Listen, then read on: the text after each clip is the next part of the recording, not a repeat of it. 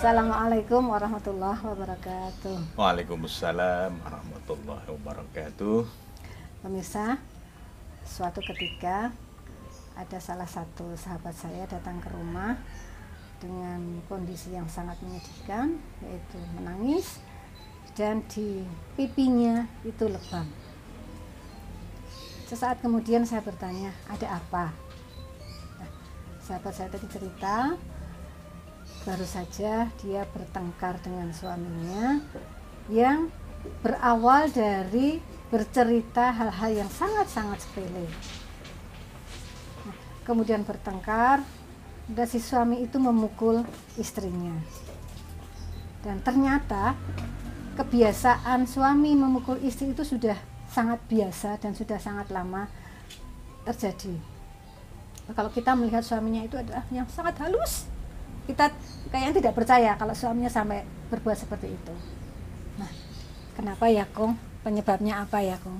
Ya, itulah yang mungkin dalam bahasa sekarang disebut KDRT, kekerasan dalam rumah tangga, ya, domestic violence.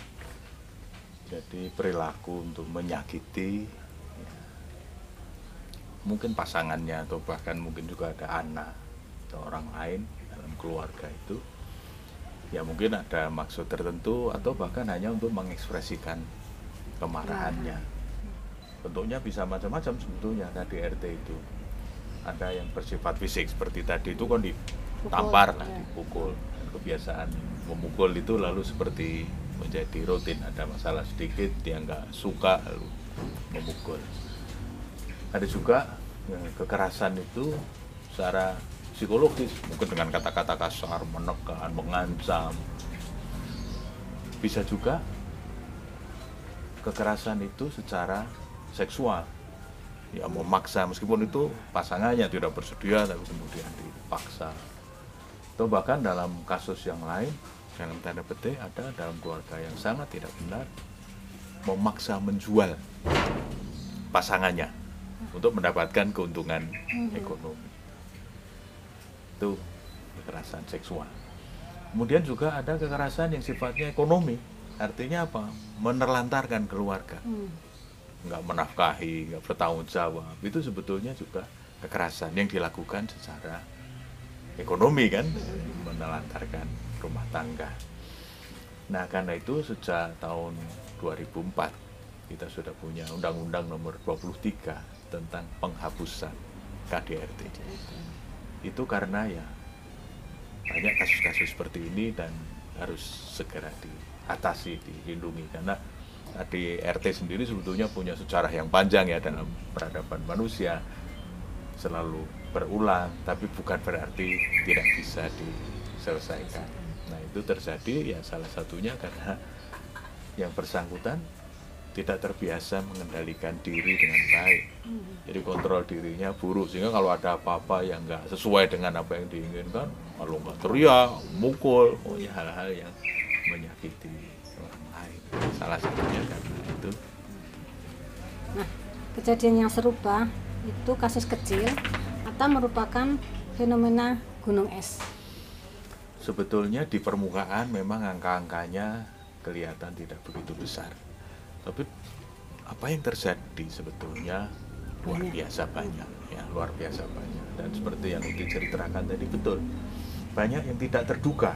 Misalnya orang-orang yang selama ini kita kenal sabar santun, agamanya baik. Ya tapi kepada pasangannya bisa sangat agresif bisa sangat keras.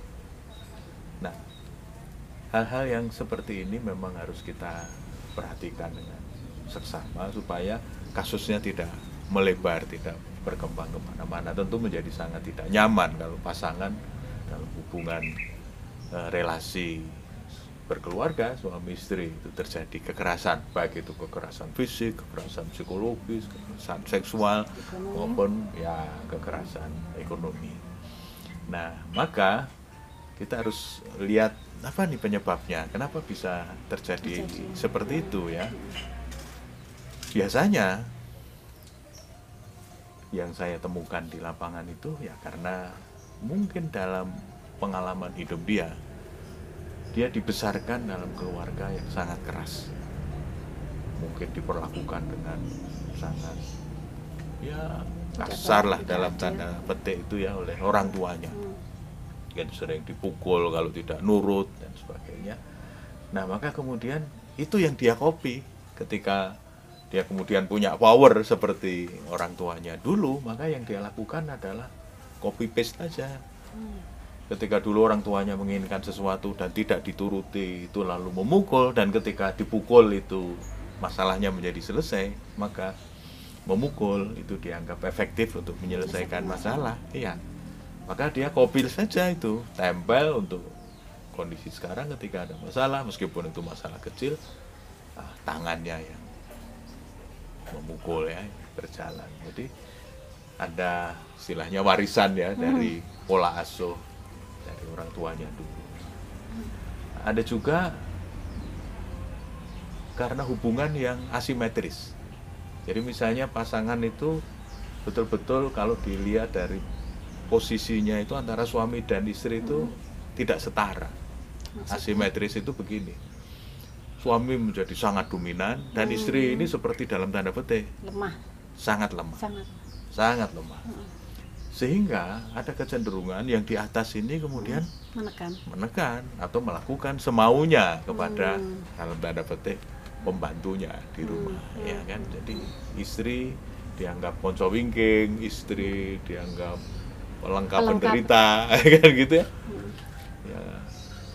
Pelengkap penderita yang harus selalu melengkapi tidak peduli menderita atau tidak. Nah maka ego yang menjadi posisi di atas ini yang kadang-kadang kemudian ada kecenderungan tadi. Karena hubungannya yang asimetris itu menjadi hegemonik menjadi sangat menekan dan itu juga bisa terjadi sebaliknya. Hmm. istrinya yang Mm-mm.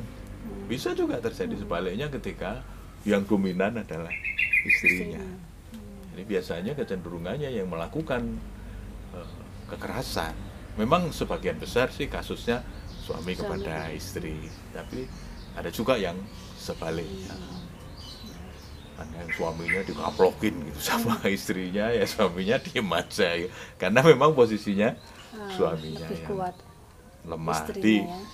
hadapan istrinya.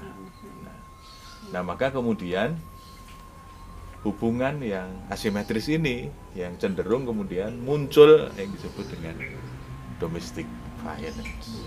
Bisa juga karena pengaruh batu-batan, mabuk misalnya, atau narkoba, jadi nggak sadar, oh, pukul. Dan juga beberapa yang dalam keluarga itu salah satu atau salah duanya punya ah pengguna. Maka ketika dia mabuk, kesadarannya terganggu, sering muncul anu, KDRT itu ya, gangguan dalam relasi berkeluarga.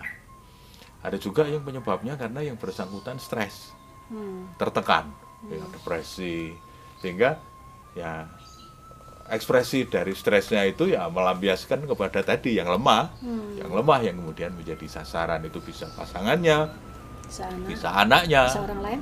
Mungkin juga bisa orang lain, muridnya misalnya di kelas, Hmm, hmm. ya ada guru-guru yang sangat keras, mungkin karena di rumah dia tidak bisa melakukan itu, ekspresinya kemudian disalurkan di kelas kan kasihan anak orang yang menjadi korban. Iya.